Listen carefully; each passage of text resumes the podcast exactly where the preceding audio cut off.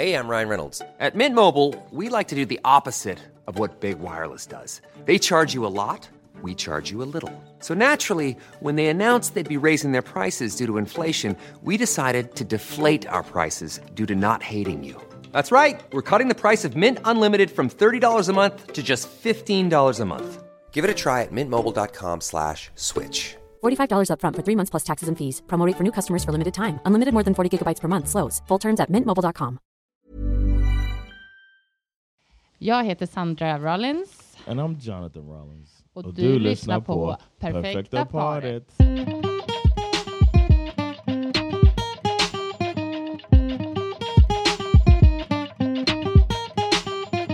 Idag så är vi inte själva, utan vi har den stora äran att ha med oss en författare, sexolog, terapeut, känd från tv.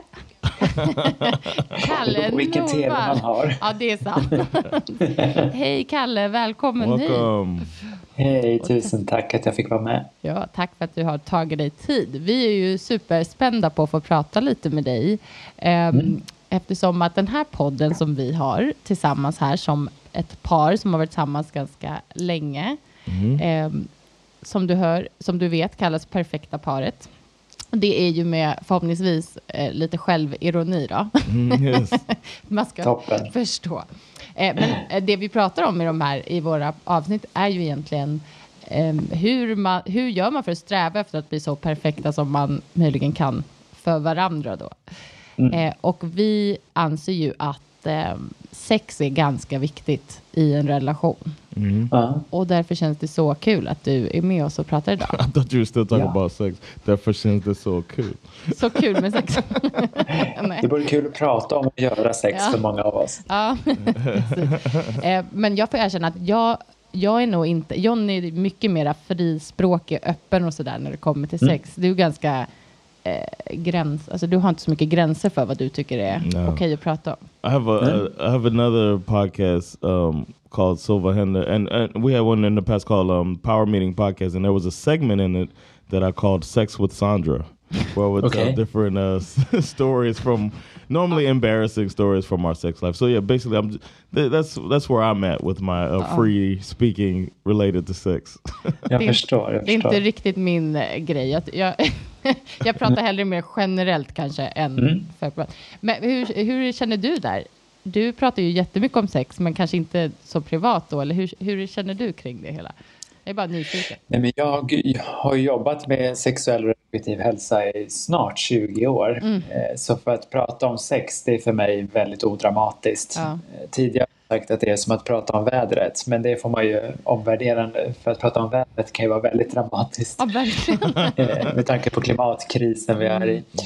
Eh, men rent jobbmässigt så är det för mig ganska odramatiskt att prata om sexualitet. Eh, prata om allt från liksom sekret till att vi ska in i varandras kroppar till alla känslor som kommer upp i det. För det har jag ju fått träna hårt på. Ja, var Så det det, någonsin? har jag förstås fått med mig också i privatlivet. Ja, okej. Mm. Tyckte du att det var jobbigt i början? Eller du har det bara varit naturligt för dig? Jag tror att min nyfikenhet på ämnet någonstans ändå har gjort till att jag har eh, tillåtit mig själv tycka att det är lite obehagligt men att inte låta obehaget styra. Ja. Utan att nyfikenheten får störa lite mer. Ja. Styra, inte störa. Ja. Styra. Stör också. Det var en sån här Freud, freudiansk. Eller hur? Får ta en annat avsnitt. Ja, precis. Ja, men så spännande i alla fall. Ehm, men jag, alltså vi pratade om här för, i vår podd för ett, några avsnitten så var det några lyssnare som hade frågat oss vad vi tycker är liksom hur man behåller så här pirret i en relation eller hur, hur kan man vilja fortsätta liksom ha ett eh, aktivt sexliv helt enkelt med någon som man varit tillsammans med länge. För jag och John har varit gifta 15. i 15 år. Så vi gifte Mm. oss ju när vi var liksom barn kan man säga. och, och, och, Det hoppas jag inte. eh, Nej, jag ska, inte riktigt men vi var unga i alla fall. Ja. Och, ehm, eh, nej men, och det, så det är ändå någonting som man funderar på och som folk då har frågat oss. Liksom. Har man något Mm. tips och så? Och vi sa ju det lite utifrån egna erfarenheter vad vi tänker. Men nu när vi ändå har ett proffs här Har du, nå har du något vinnande koncept hur man liksom kan hålla igång? Keep the spark. Keeping the spark. Men jag tänker att man kan värdera att det här spraket eller pirret faktiskt förändras över tiden. Att det inte är exakt samma sak som när man blev ihop då eller gifte sig för 15 år sedan utan att det här utvecklas och att det kan vara en ganska spännande resa även det. Att vi unnar oss den tiden och lyx att utforska spraket 15 år senare också. Jag får ju ganska många par i samtal som liksom vill till jag vill ha samma typ av sprak hela tiden och så tänker man sig att eh, det går att finna exakt samma som man hade då för 15, 20, 30 år sedan. Men då tänker jag att det, den typen av nostalgi är fin på ett sätt men det behöver ju ändå liksom vara att nu ska vi jobba utifrån dagens förutsättningar. Så vad var det som funkade då så kanske vi kan lära oss hur kan vi använda oss av det idag. Jättebra. Yeah. Jag håller med om också att, liksom, att det är ju... The spark is different. Ja, men det är klart, det blir ju någonting annat. Men också som du säger, jag gillar att du säger så att man får unna sig och försöka hitta... Alltså att det som är fint när man är tillsammans länge är ju förhoppningsvis att man är mer bekväm med varandra. Man kanske liksom vågar utforska saker som man tid, i början i en relation inte skulle kanske våga ta upp eller alltså sådana saker. Eh, att man får liksom försöka. Ja, jag tänker att det är en viktig komponent också att våga prata om det. Eh, Och det är vi ju inte alla lika vana eller bekväma med att göra. Eh, Och då finns det ju många också som tänker sig att man måste vara 100% bekväm för att prata om svåra saker. Eh, Men jag tänker att det, man, det är ganska höga krav att tänka att man ska vara 100% bekväm hela tiden i alla samtal. Men att det i alla fall ska vara mer bekvämt än vad det kan vara. Eh, Att kanske inte göra det på liksom i kön i mataffären eller kanske inte göra det när man är som mest stressad. utan att man faktiskt tillåter sig att prioritera tiden, unna sig tiden att prata om de här sakerna. För det är för väldigt många väldigt viktiga spörsmål. Mm, verkligen, så jättebra. Ja, eh, vi pratade lite grann också innan här ehm, om just hur man håller igång. Och, ja, tyvärr tycker jag en uppfattning som jag har, jag känner ganska många par som har varit tillsammans länge, men det är att man liksom, det, jag vet inte vad det beror på, om det är att man liksom har varit med om så mycket vardagsliv tillsammans och sådana saker som gör att liksom man, det är många par som varit tillsammans länge, upplever jag, som liksom har lite så här hård jargong med varandra. Det kan vara lite, man försöker nästan hitta lite så här jabbar mot varandra, liksom att det är lite, jag vet inte om du håller med, du som har ändå haft så mycket par. Men liksom, och det, jag vet inte, jag funderar på det mycket och, och sen kan det också då vara relaterat till att ja, men man kanske inte vill ligga lika ofta eller att sex, liksom, jag är lite så här, vad är hönan och vad är, är ägget liksom? Personligen, om John skulle gå runt och vara otrevlig mot mig en hel dag, skulle inte jag känna mig supersugen på kvällen. Liksom. It's flirtation. John säger att det är, det är att flirta och hålla på och retas och sånt. Jag vet inte. Ja. Där har vi också igen lite olika perspektiv på men det är vad flört är för någonting. Alltså för vissa kanske man tänker sig att den typen av jargong just är flört. Och medan för andra så blir det mer ett störande moment eh, och då blir man inte så kåt. Eh, Och där igen bör man ju då prata om pratet.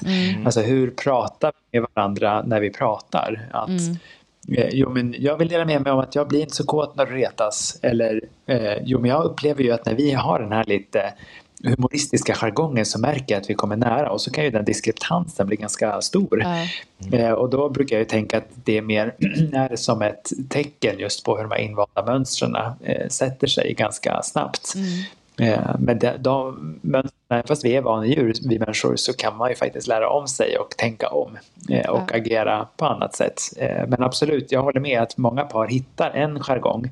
Sen behöver den liksom inte vara så hård med liksom eh, ja, med bröl och sådana typer av skämt. Men det kan ju bli en annan sorts jargong, att man kanske är tyst. Ja. Eh, eller möter varandra med tystnad och det är ju inte heller hälsosamt. Utan här behöver man ju hitta ett sätt som funkar så gott som möjligt i alla fall för alla inblandade. Mm.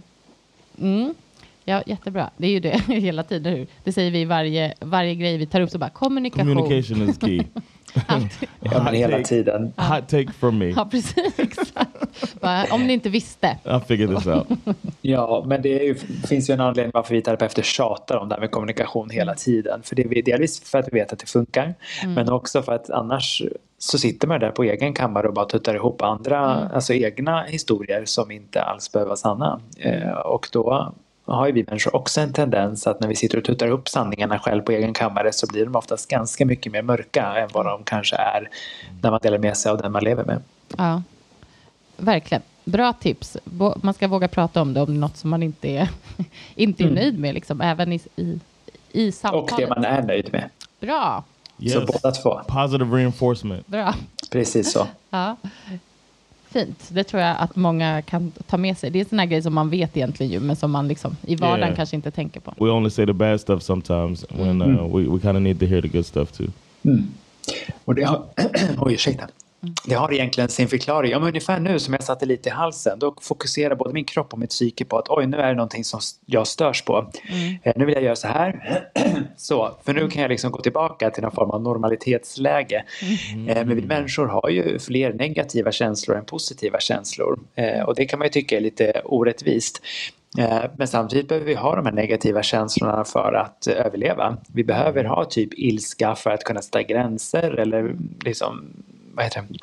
bearbeta aggressiviteten inom oss. Vi behöver ledsenhet för att bearbeta jobbiga saker och lägga det bakom oss för att kunna gå framåt. Eh, Så ibland behöver man liksom just jobba med positive enforcement mer för att eh, liksom se till att man också pratar om det som faktiskt funkar. Eh, Annars blir det lätt väldigt neggiga samtal om vi bara ska prata om det som inte funkar. Verkligen. Mm.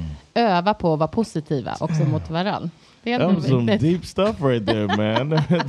I didn't think about it like that. Like I'm doing this to stay alive. Ja, precis. Ja. Men så är du. Ja.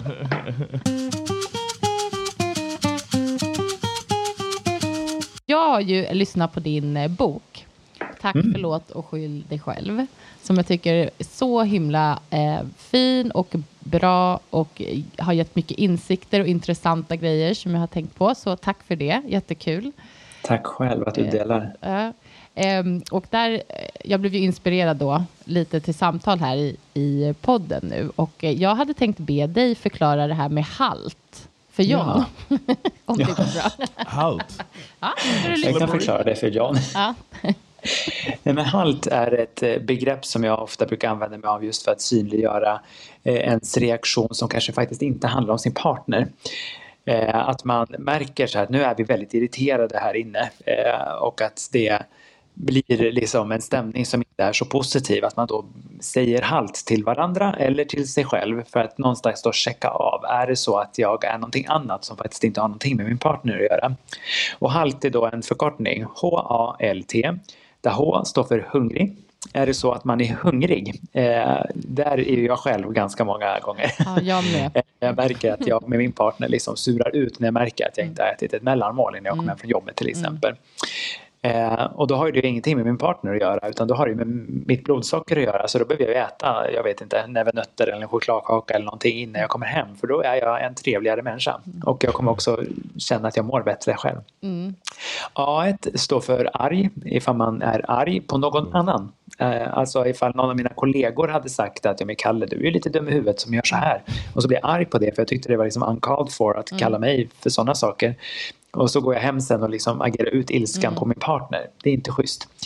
Eh, L står för ledsen, att man kanske är ledsen då istället för arg. Eh, för det kan ju gå åt båda håll förstås, eller samtidigt. Eh, och att jag kommer hem och är ledsen och då får min partner ta emot ledsenheten och tro att det liksom beror på den. Eh, och T trött, att man kanske faktiskt är trött. Eh, och då blir vi också lite dumma i huvudet när vi inte sover tillräckligt Ja, eller ifall vi liksom har jobbat för mycket och så.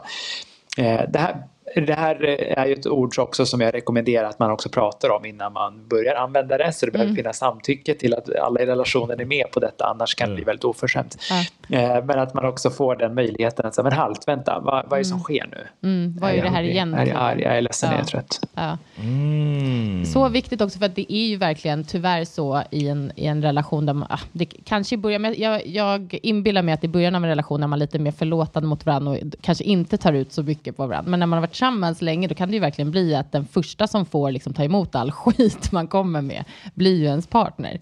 Jag bara tyckte det här var så himla, mm, ett så, här, så himla konkret sätt att bara halt, du vet halt. Ja. And you say it out så halt, loud. stopp. Yeah, halt. Yeah. Precis. So I Precis. was just say halt. Ja. It's funny in the military we learned that was our way to like find out if a person is an enemy or not. We say halt. Ja. so that seems like it applies well. Are you an enemy right now? Halt. Halt enemy or Precis.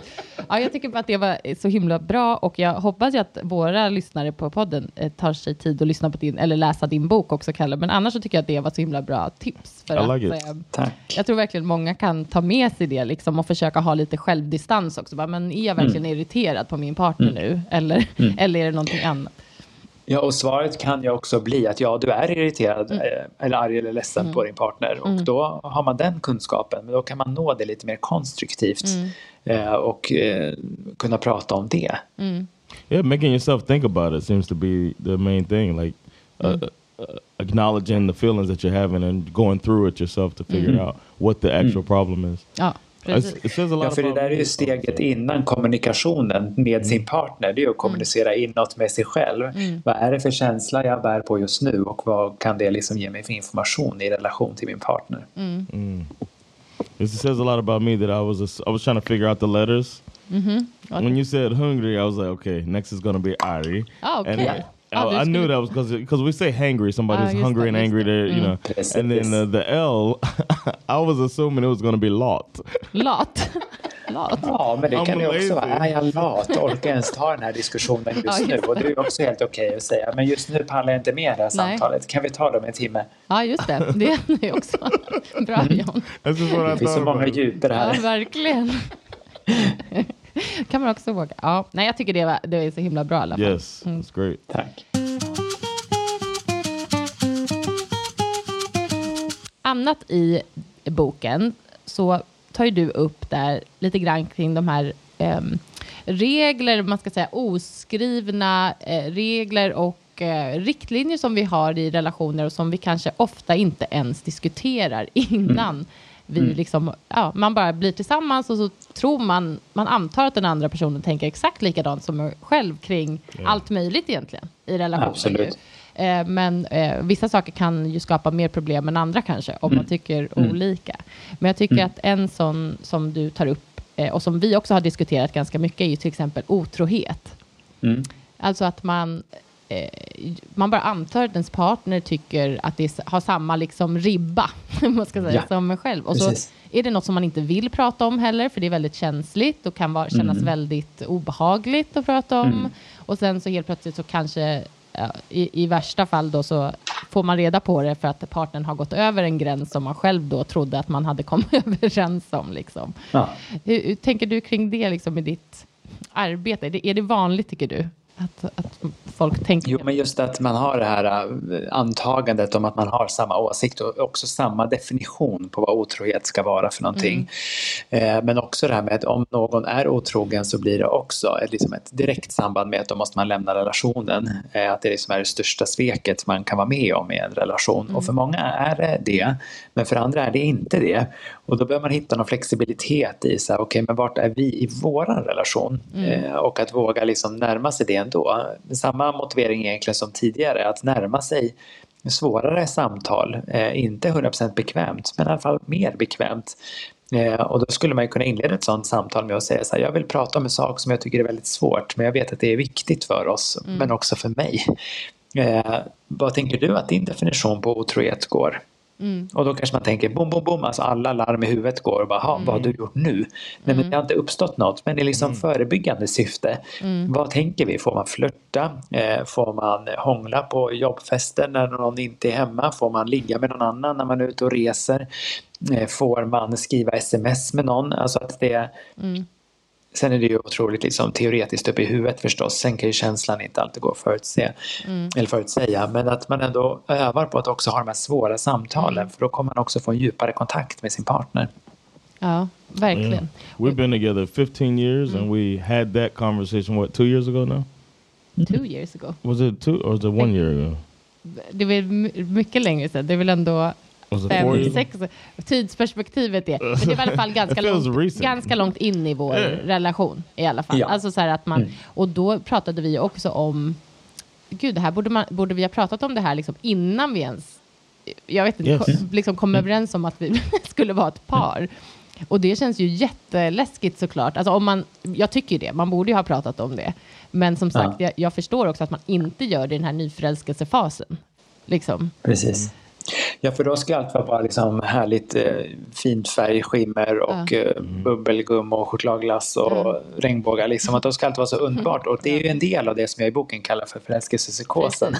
Just att det är en liten verklighetsfrånvändande upplevelse. Mm.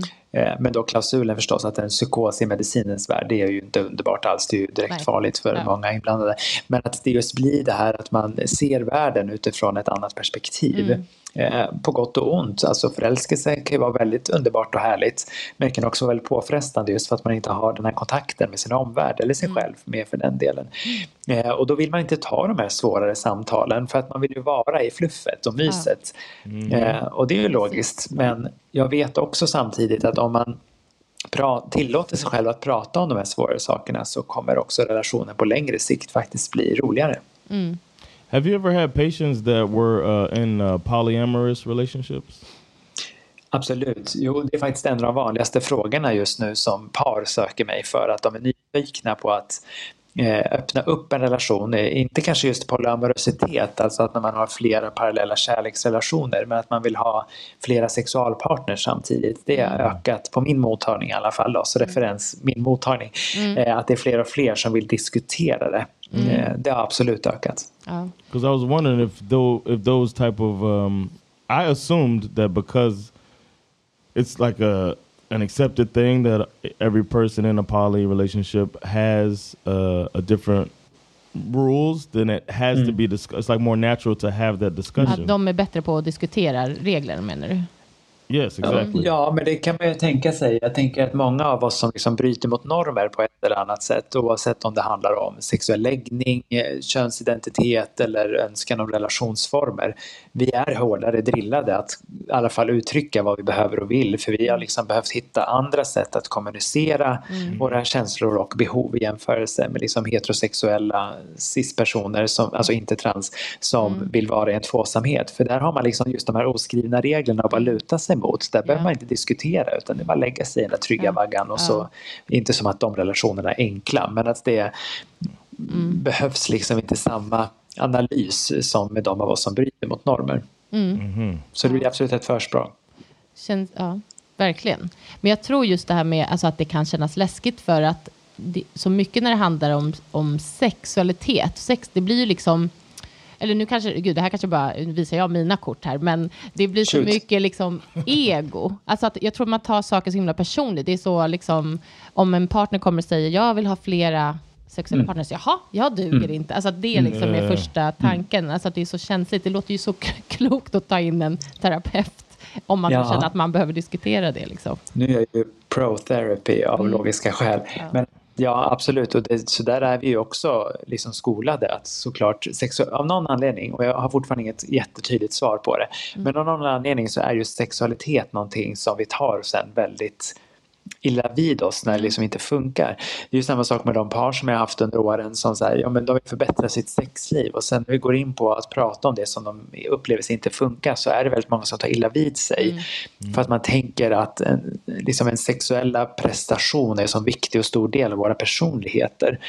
Eh, att man liksom ska kunna göra sin partner nöjd och då ska de inte heller behöva vara med andra. Nej. Man pratar ju om så här sexuell exklusivitet i tvåsamheten, att så här, det är något som bara hör till parrelationen.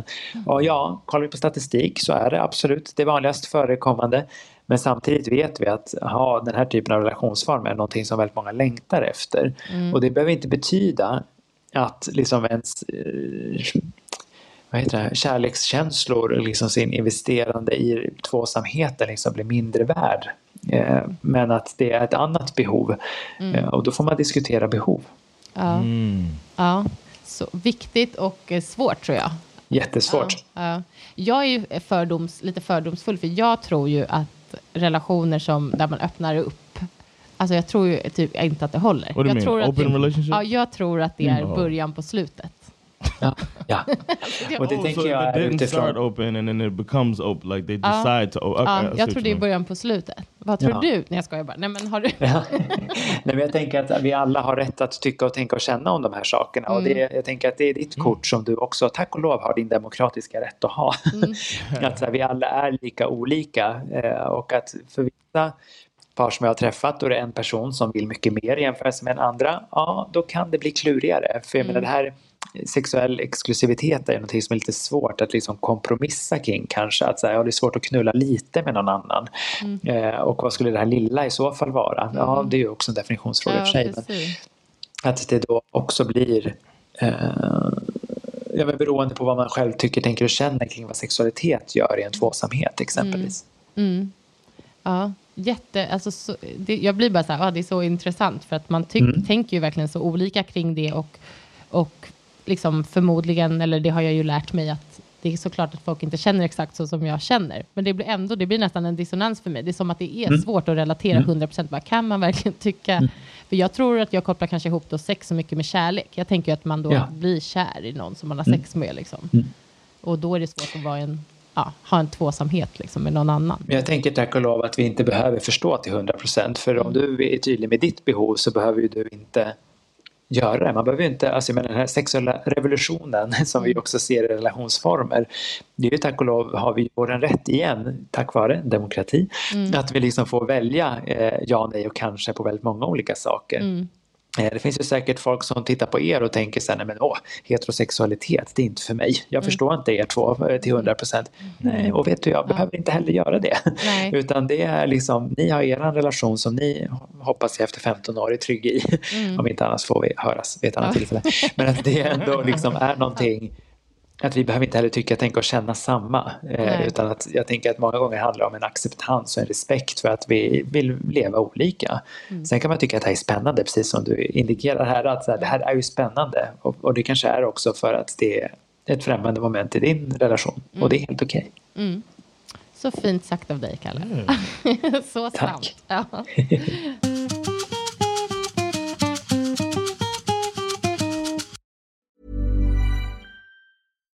Subtle results, still you, but with fewer lines. Botox Cosmetic, out of botulinum toxin A, is a prescription medicine used to temporarily make moderate to severe frown lines, crow's feet, and forehead lines look better in adults. Effects of Botox Cosmetic may spread hours to weeks after injection, causing serious symptoms. Alert your doctor right away as difficulty swallowing, speaking, breathing, eye problems, or muscle weakness may be a sign of a life threatening condition. Patients with these conditions before injection are at highest risk. Don't receive Botox Cosmetic if you have a skin infection. Side effects may include allergic reactions, injection site pain, headache, eyebrow and eyelid drooping, and eyelid swelling. Allergic reactions can include rash, welts, asthma symptoms, and dizziness. Tell your doctor about medical history, muscle or nerve conditions, including ALS or Lou Gehrig's disease, myasthenia gravis, or Lambert Eaton syndrome and medications, including botulinum toxins, as these may increase the risk of serious side effects. For full safety information, visit BotoxCosmetic.com or call 877 351 0300. See for yourself at BotoxCosmetic.com.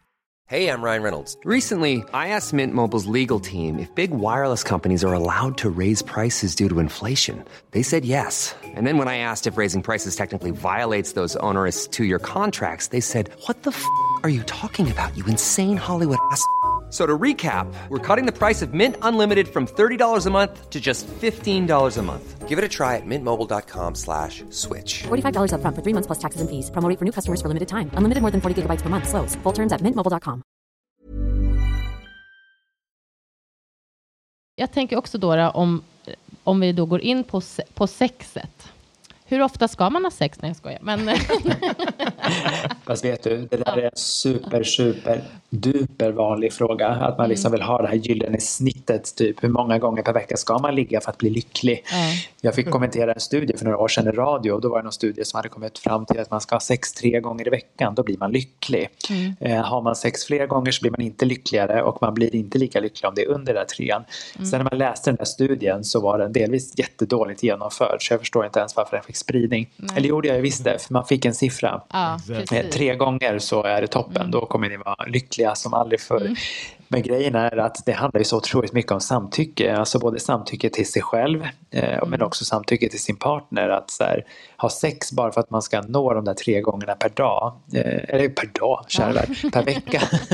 eh, ja. Man ska ju jobba också. Ja. Men att det kan ju liksom leda till att man gör saker som inte är bra för relationen eller sexualiteten heller. Nej. Bara för sakens skull utan liksom lust och nyfikenhet. Ja men det blir faktiskt inte så positivt. Nej. Nej, precis. Alltså, det, det är också en sån där grej att man tänker att man förväntar sig att det ska vara då en viss frekvens, liksom, kanske.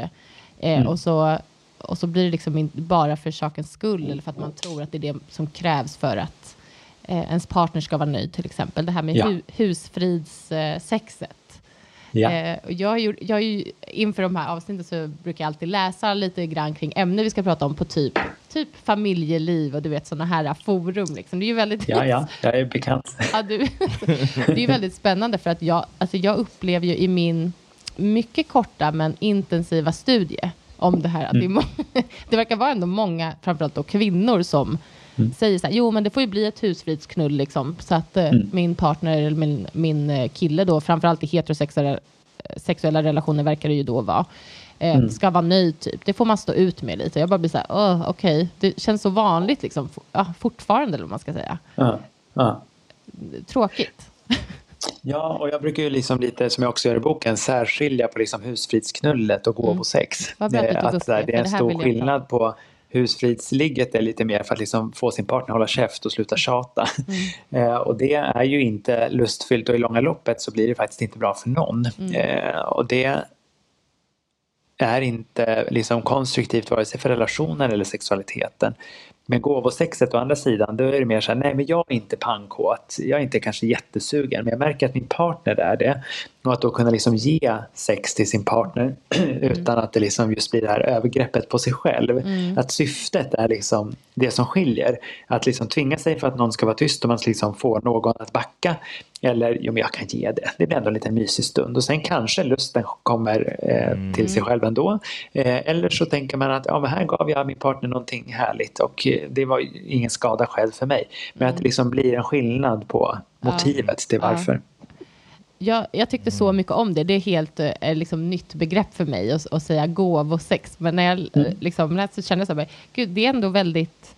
ehm, ja, men, alltså, jag gillade det. Jag tyckte det var så fint och jag tror, har man liksom den eh, bilden av det som, alltså av sexet, så blir det ju, Ja. då, jag tror i alla fall att då blir det större chans att man också sen själv kommer in i det på ett annat sätt, än om man liksom ligger och ska ha sex och typ är sur under tiden själv. Bara, ah, nu gör jag det här liksom.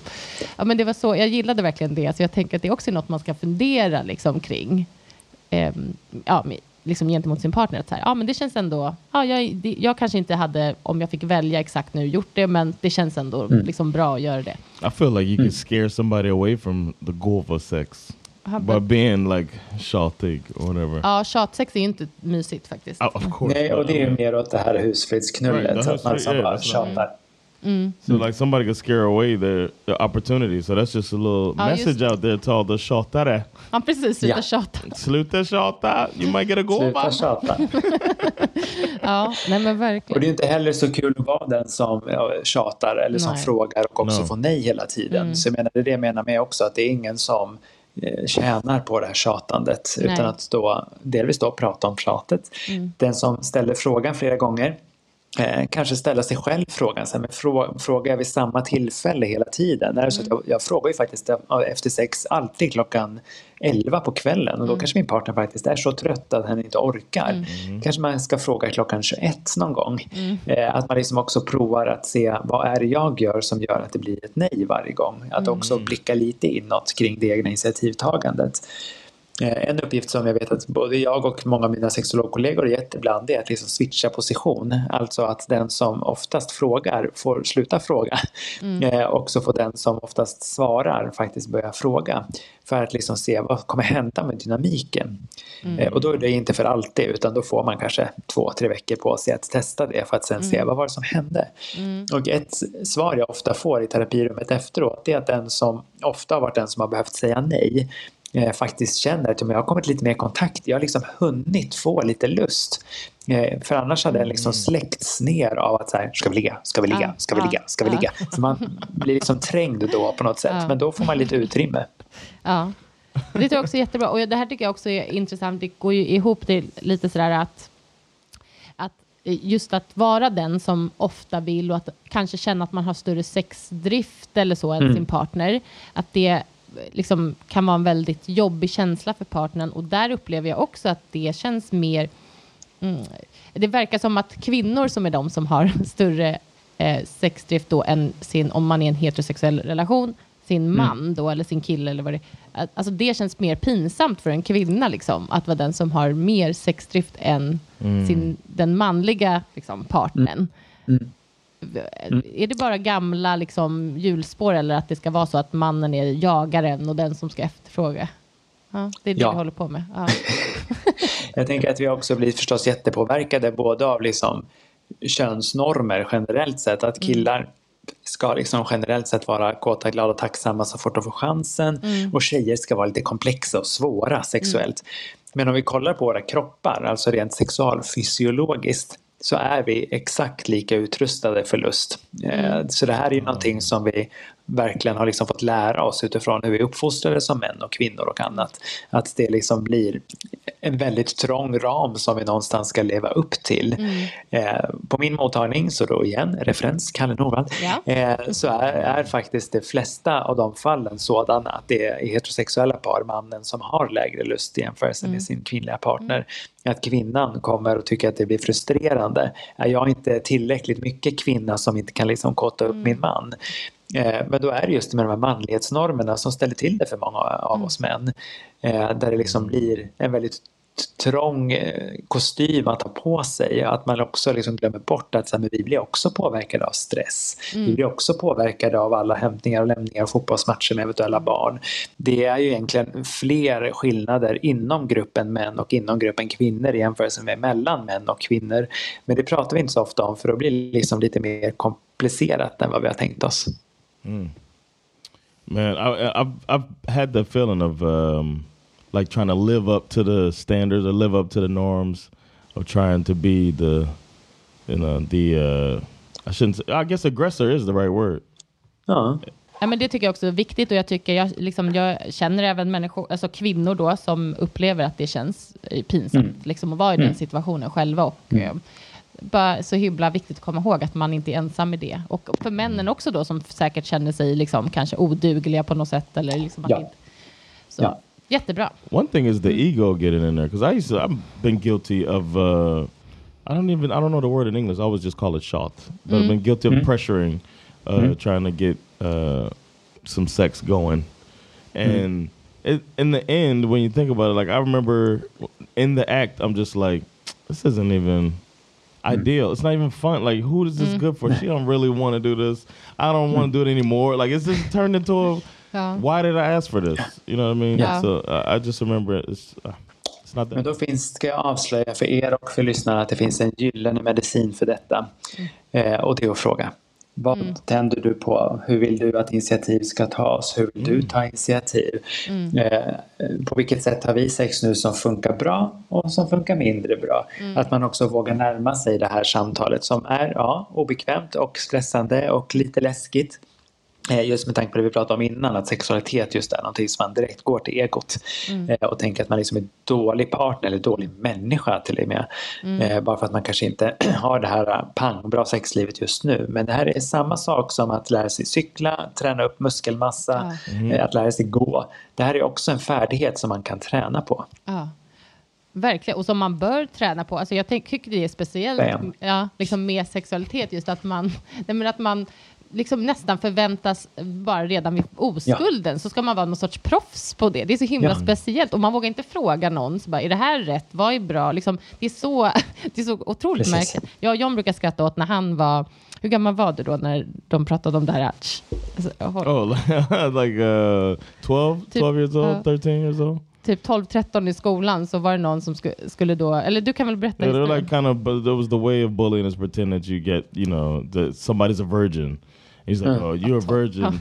and then, uh, but we're all, it's just a group of virgins calling each other virgins and pretending that we all have so much sex. And then the guy asks, does the vagina go this way or this Alltså, way? alltså lodrätt eller vågrätt. Ja, ja, ja, precis. Ja, bra. and nobody knew. Ja, And we're all just like, ja, ja. oh, Och då skulle det liksom vara så här beviset och alla bara, äh, ingen visste liksom riktigt, eller hur? Utan det var bara så här, just det, svara på det här då, typ. Och så alla bara undrade. Men säg, vad är? Vad Som är ett det? kvitto på att man har sett den. Ja, exakt. Ja. Jag tycker det är så talande liksom. Så här. Man ska bara automatiskt veta saker utan att någon liksom. Just det där kanske var lite Ja, och vi ser ju inte det på liksom något annat i vårt samhälle. Det är ingen som tänker, ja, men sitta ärlig nu ett barn på liksom en cykel om hon inte redan har lärt sig cykla, det vet jag inte. Men så var, i bil då, sätt henne framför ratten och Ja, säger precis. kör. Ja, precis. Då är det ingen som förväntar sig henne att hon ska gå upp liksom på E4 och köra i 120. Nej. Men sex, då ska man liksom vara pangbra Ja. precis innan man gjort sin debut och kunna allt. Ja. Man ska också kunna liksom allt på allas kroppar, men våra kroppar är ju också lika olika och behöver liksom lära sig de Mm. eh, samspelen och också i personligheten med den som är i kroppen. Att det liksom är så många komponenter som någonstans ska ja, men delvis samverka men som man också ska lära känna. Ja, ja verkligen. Jag tycker det, det är viktigt att komma ihåg att även om man också haft sex typ mycket och så kanske man får en ny partner, då är det ju något nytt att lära sig liksom. Yep. Utan tvekan. Ja, och våga fråga om och så. You got to start all your moves over. Exakt, bara va? Det här var... Man, my move, my, that's my that's my finisher. Va? I can't do my finisher on it. Nej, precis. För då behöver man lära det på en annan kropp. Ja. I got to write the alphabet differently now. Ja. Får man utnyttja kanske förvirringen och dra arbetet på ett annan ordning. Exakt. I got to learn the Arabic alphabet now with my tongue. Precis.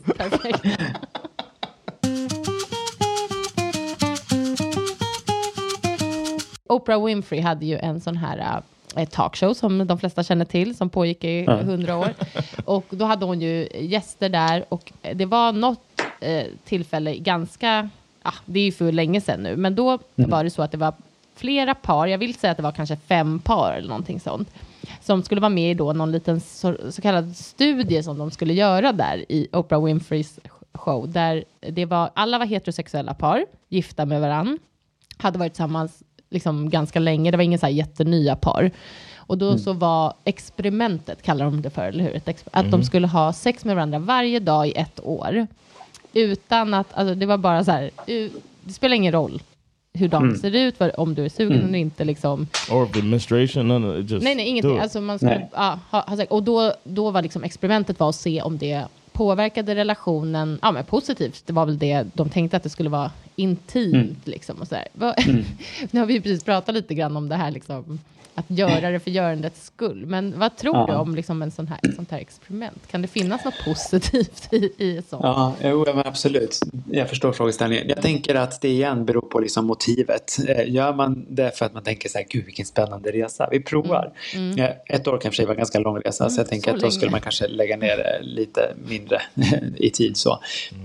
Eh, men jag är ju inne på det här med att om man liksom känner att det bara är stress och press och måsten så blir liksom lustlådan ganska liten. Eh, och då om det bara är för liksom sakens skull eh, så kan jag tycka att det kanske är lite dömt att det inte blir toppen. Men om man har en, går in med inställning på att det här kommer bli skitspännande, för fan vad kul, eh, så kan det bli spännande och kul. Eh, sen tänker jag också att det är spännande att definiera vad menar de med vad är det för sex de ska göra. Eh, är det liksom bara vaginal penetration med en penis som ska göras varje dag, ja då blir ju repertoaren ganska liten. Men kan man göra många andra sexuella aktiviteter, liksom oral, analsex, petting, alltså smeksex och annat, så finns det ju hur mycket som helst att göra. Eh, och också sex, vad menar vi då? Måste det vara orgasm då? Det är väldigt många som har det som definition på att det ska vara orgasm varje gång. Eh, vilket ju också sätter en press på väldigt många av oss. Eh, att man också ska liksom njuta varje gång. Är det sexet då? Alltså det är så många saker som jag undrar, så här, undrar hur de liksom definierar delvis sex men också hur lång tid skulle det här ta och sådana saker. Och vad hände om de inte gjorde det? Ja. Ja, eh, det undrar jag också. Hur de, jag, jag vet inte om det var så, utan det kanske det var, men det är inget som jag minns. Liksom. Jag tror också alltså, ja, att det var penetrativt sex de pratade om, vilket nu bara känns här, ja, Yeah. lite, lite synd och konstigt. Men, men ja, så intressant. Vi har bara så här, ibland tar vi upp det bara, gud det där sexet år. Jag vet inte, vi båda två måste ha tyckt att det var liksom så här, bara, oj, It, sound like, it sounds like a much. task. But then when if it's broken down the way you're saying it, like if you define it as just some type of sexual or intimate act, Mm. that seems a lot more reasonable to do that every day. You can switch My it up. Exactly. Yeah, so so we're gonna do that. You're right. You're right, Kalle. Jo, men intimitet, det är ju någonting som också är väldigt positivt för en relation om man är lagd åt det hållet. Alltså att vara nära varandra, att kunna liksom kyssas, pussas, kramas, klappa på varandras överarmar. Eh, smeka ryggen. Liksom att de typerna av intimitetsbeteenden är ju också otroligt viktiga. Mm. Och det brukar jag säga just när de sexuella beteendena inte funkar, så öka på intimitetsbeteendena. Mm. Eh, för att då kan liksom den sexuella lusten också komma till en lite snabbare för att man liksom kickar igång lustcentrat i kroppen. Eh, men också för att man faktiskt gör någonting tillsammans. Mm. Where physically is the lustcentrat? Lustcentrat? Where is that? Is that in my shoulder? Kan vara. Kan, kan vara. exakt, man vet att.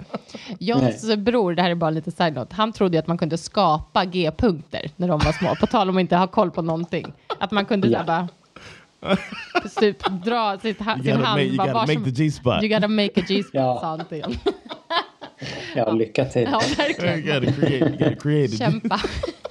Ja, mycket roliga i alla fall föreställningar om sex, men också som kan skapa mycket problem ju, liksom, eh, mm. för en. Och framförallt som mm. du sa innan, mycket i sitt eget huvud, liksom, då blir det ofta kanske värre än om man vågar säga det rakt ut eller fråga eller så. Ja, verkligen. verkligen. Och jag har en till, liksom bara kring det här med antalet gånger sex. För det är så här, när mm. vi har ett segment här i podden som vi nu har kallat för Reddit Relationship, mm. eh, där jag då tar upp en frågeställning kring ämnet från Reddit. Så det är någon, mm. eh, ofta engelsk, eh, amerikan eller brittisk ja. liksom, person som har skrivit. Och eh, och då, eh, när jag skulle då försöka hitta lite här kring hur ofta har man sex och det här med husfridssex och så, då, var det, då upptäcker jag, återigen i min lilla research här, det verkar vara så otroligt många människor som liksom ljuger om hur ofta de har sex. Alltså det är liksom, mm. det, det, var verkligen, alltså jag blev chockad, eller jag, i och för sig, jag ska inte säga något om ljuger, men om vi ska vara lite realistiska, alltså det var mycket så här, från män framför allt. Well, mm. in the, the beginning, the first year, it's three to five times a day. And then after a year it's once a day if, if you're realistic and, uh, and after that it can go down. Typ. Alltså, det var väldigt många som bara skulle hävda att de hade sex mellan tre och fem gånger om dagen. Jag bara, men så, vad mm. är det här? Då känner jag att det liksom är folk som aldrig har sex? Eller vad, är det vanligt? Ja, alltså det finns ju vissa forskningsunderlag som styrker på att killar har en tendens att överdriva sina erfarenheter ja. och tjejer en tendens att underdriva. I linje med att försöka uppfylla de här könsnormerna som jag pratade om tidigare. Mm. Mm. Eh, men det är ju någonting det här med att vi människor håller på att envisas med att vi vill vara som alla andra. Och att vi liksom just letar. Jag tycker att det är inte konstigt att du har hittat de här trådarna. För mm. man vill ju gärna ha ett svar som hur många gånger ligger ni andra? Ja. Och också då alltså det här med 12-åringarna som tänker att de har så otroligt mycket sex. Ja. Medan liksom snittåldern i Sverige på att göra sin sexuella debut ligger på 17. Mm. Eh, så jag menar, det blir ju mycket äldre än 12 ja. eh, i snitt då, så då finns det ju de som både äldre och yngre förstås. Mm. Men att det, vi vill så gärna liksom tillhöra den stora massan och vill vara så normala som möjligt. Mm. Och då är ju siffror svinsmidigt ja. att referera till. Ja. Att har man sex fem gånger per dag, då är jag normal. Ja. Eh, men det är faktiskt väldigt mycket i jämförelse med vad snittet säger. Eller hur? Fem gånger. Och det är precis som du sa här i början också, man ska väl jobba också. Alltså jag bara kände så, jag bara, men alltså tror de att det här är... Det kändes bara som att det var personer som inte liksom ens förstod riktigt vad det innebar. Ja. Typ. Men, kanske mm. bara mina fördomar, men jag kände att mm. det var... Eh, ja, det var liksom, jag blev, reagerade på att det var så väldigt många som bara, oj, mm. fem gånger om dagen, det var mycket. Här orkar vi med ja. två. Typ. Man bara, okay, det är också så här, två gånger om dagen varje dag. det är inte heller så Eller så definierar de också ett hångel mot kylen som sex. Mm. Ja, just det. och så är det liksom fyra hångel och ett ja. samlag. Eller så är det fem, fem hångel och sen är det klart. Ja, just If that counts, I was the man in middle school. I was hångling like a mother. ja. Vad härligt. Tack. ja, om vi liksom avslutningsvis då bara. Vad, om man ska vilja vara tillsammans länge, Kalle, vad, vad tror du liksom är Eh, och tycker att sex är viktigt får man väl också säga. För det är ju inte alla ja. som heller tycker att det är en viktig komponent Nej. för att kunna vara tillsammans länge. Och det är en viktig poäng. Ja, verkligen. Mm. Man ska inte heller, det får inte vara för mycket press kring det också, att man inte är ett bra par Nej. om man inte har sex, för så är det ju inte. Mm, mm. Men vad tror du liksom är ändå, vad, vad, ska man ha med sig liksom för att vilja hålla igång, hålla igång det sexuella med sin mm. Jag tänker att man behöver liksom på något sätt eh, krydda sin nyfikenhet på varandra. Eh, och det kan vara miljarders olika sätt. Och bara för att jag säger det nu ska man inte på ett exempel, Nej. det är ju spännande. Men att det kan ju vara liksom att fortsätta dejta. Mm. Eh, det kan vara att eh, se till att man kanske ger varandra små gåvor. Det behöver inte vara materiella gåvor, det kan ju vara andra gåvor som en liten fotmassage eller liknande. Eh, att man fortsätter att liksom bekräfta varandra och flirta med varandra. Eh, fortsätta med intimitetsbeteenden. Alltså, för det finns det också kopiösa mängder forskning på att lust föder lust. Mm. Eh, så att om man liksom fortsätter med en intimitet som är lustfylld så kommer det öka sannolikheten, om det är viktigt för en, Mm. att också lusten följer med ju längre relationen funkar. Mm, jättefint. Där kommer det här gåvosexet in också. Om man ger lite gåvosex så kanske man blir mer sugen också själv sen och fortsätter. Precis så. Ja, men gud, vi är så glada att Yes. du var med oss här och pratade lite grann kring sex. Det ska bli eh, spännande att se hur, eh, ja, vad lyssnarna, hur de känner kring sexfrågan som kan vara så, så eh, individuell.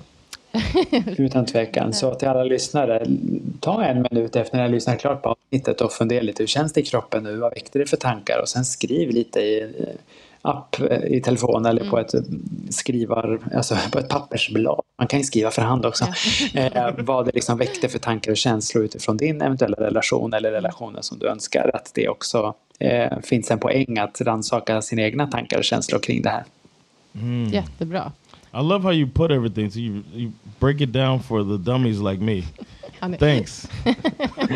Du har klarat dig i 15 år, så något rätt gör du, tänker jag. Yes. Shot, shot, shot. Nej men sluta, Okej, nej inte det. vad hemskt. Tack snälla Kalle Thank you så, so hemskt much. mycket för din tid. Tusen tack för inbjudan. And now it's time for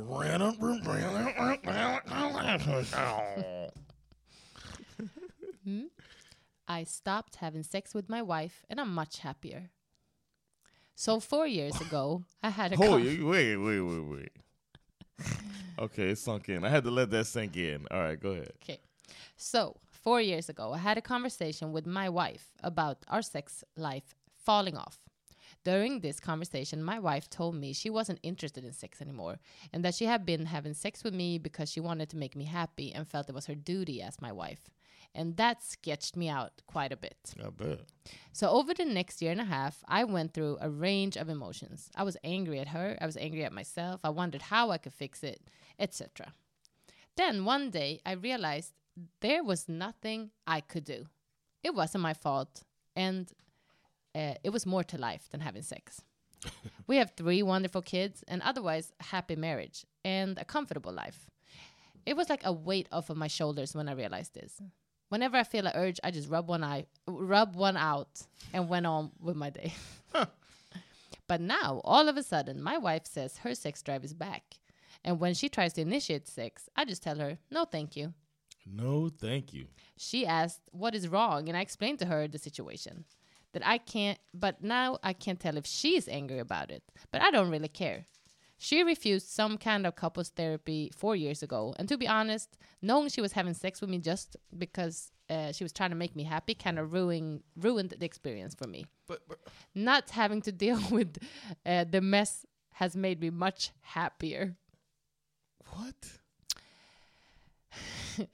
What I mean by happier is I spent years after this conversation agonizing over how to fix this. Was it my fault? Is there something I could do? Is she not attracted to me anymore? Yada, yada, yada. Is she seeing someone else? Every day, these thoughts ran through my head. When I finally said, F it, it's beyond my control, and I accepted the situation, I just became much happier. Oh, ja. I want to know the time frame of all of this. I feel bad for this person. He, he it's like he uh, he found a way to to comfort himself. Mm. Jag tror att det är en man också, vill jag säga. Jag tror att det är ett heterosexuellt It's probably par. a Ja. dude, yeah. Jag antar det liksom. Eh, nej men det är ju, gud jag blev också så konflikt. Först bara såhär, okej skönt att ha accepterat och tycka Right. att man ändå har en But bra now he's like relation. trying to punish her, like, oh, now you want it? Exakt, You och också typ sig själv. Alltså så, så synd. För han ville ju ändå ha det, liksom, ha sex. I- Alltså, så att det blir också konstigt att nu, som du säger, då blir det som att han ska straffa henne. Men också så här, inte ens vilja öppna upp för en möjlighet att det kanske kan förändras igen. Alltså det kanske kan... Right, that's what I was gonna say. There, there's a there's still a chance that uh, maybe it's evolved to her wanting it now, Mhm. and now you can uh, enjoy that. He's like he's, he's not doing the one part that um, Khaled was talking about, Exakt. where you try to figure out what uh, how your partner wants sex to be Exakt, och approached. kommunicera framför allt. Yeah. Alltså förklara istället då. Jag blev ledsen för att du säger att du har haft sex med mig fast du egentligen inte har velat. Och nu är han ju liksom kränkt över det och Yeah. har byggt upp liksom en hel känsla kring allt med sex. He wants it on his terms, man. Ja, fast om han It's då skulle vilja thing. ha... Det här verkar ju ändå som det har gått flera år. Alltså, det, är så, Right. det är synd, för man tänker så här att det var, alltså på något sätt, allt är ju relativt, men liksom på något sätt starkt av dem att stanna i den här relationen sexlös, liksom, och ändå tycka att det är en bra relation. Så här, bra, good for you. Men sen då när hon vill ha det igen, då är det så tråkigt att varför skulle inte det kunna gå i vågor, så som man säger att en relation gör? Liksom. Ja. Ibland är det mer, ibland är det mindre. Vi har perioder där man inte av olika anledningar pallar och vill, men man ändå tycker, älskar varandra och vill vara i relationen. Fint, och då är det så tråkigt att sen bara så här, nej, då har jag avskrivit mig sex för alltid liksom, med dig. Då undrar man ju så här, är han verkligen nöjd i relationen? Eller är det så att han på riktigt nu har blivit typ så här, ja, du vet, vad heter det för någonting? Asexual, vad heter det? Alltså, Yeah, asexual. Yeah. Att man liksom I inte vill ha sex längre. I think he's uh, doesn't want that rejection again. Mm, så han vill inte öppna dörren. Right. He's like, uh, I've I've come to terms with it. I figured out a way to go through and not have to deal with that rejection. I'll um, please myself when necessary. This is good. This works. We still have our family. Mm. But she didn't want to go to therapy four years ago. Maybe she'll go now. Precis, jag skulle precis säga det, att det är synd om han ska vara så här petty och bara, men du vill inte fyra år sedan, då vill inte jag nu. Alltså det blir ett tråkigt liv. Då undrar man ju också hur nöjd han egentligen har varit under He's de här not. åren. He sounds bitter in the whole thing. Ja. He's bitter and she didn't want to do it. He's the worst type of person. he was bitter, then he flipped it, and now he has, he feels like he's got control over the situation and he doesn't want to lose that again. Mm. But you're missing out on uh, the natural evolution of your relationship. Precis, och att det skulle kunna bli liksom en helt annan starkare relation. Det, Yeah, barnen man. har ju blivit äldre, det är säkerligen en stor anledning till varför Yeah. hon liksom inte vill ha sex. Alltså kanske, jag antar nu, men liksom med små barn och nu är de större, hon är inne i en ny fas. Det är tråkigt att inte försöka hänga med på det liksom. He would know if he would ask some questions too. Can talk to her a little bit. You'll find out what the reason was. En parterapeut, ring Kalle och be om lite hjälp why didn't she want to do it then? Why does she now? Mm. What does she want from you now? You know what I mean? She might want to have some really exciting, do some exciting stuff that she didn't want to do before. Mm. Now that she's uh, ready, and then you left her alone for a while. Jeez. Ja, tufft. Jag kände bara så här, tråkigt, det låter som en tråkig relation. Nu är det värsta, eller vad man ska säga för han, är risken är ju att hon inte nöjer sig med det här. Nu har han stått bredvid henne de här fyra, sex fria åren. och nu kommer hon bara, fast nu vill jag göra det. Och if it's not with you. Mm. Now you, you if you're worried about who she's sleeping with before, Ja. Tuff situation. Vi rekommenderar ju starkt att de uppsöker lite eh, utomstående stöd, att prata igenom det här problemet. Hoppas att han ger med sig. Hoppas att han, hoppas han lyssnar, hoppas han väljer att ha sex med sin fru igen. Yes. Jag tror de skulle kunna få det så trevligt nu. so much more fun than your hand. Yeah. Uh, trust me. Eh, tack för att ni har lyssnat på det här avsnittet om Yes. sex. Yes, and thanks again to Khaled for Tack, joining Kalle. us and uh, talking us through this. I felt I was just like in awe of him the whole conversation. Ja, So, han är superfin, klok. Jättekul att eh, ha med honom. yeah, we'll uh, catch y'all. We're bringing this conversation over to Instagram, so Mm-hmm. hit us up with your thoughts and whatnot, and uh, we uh, might be addressing it in a Perfectus Farted. Stay tuned. Tack för att ni har lyssnat. Hey.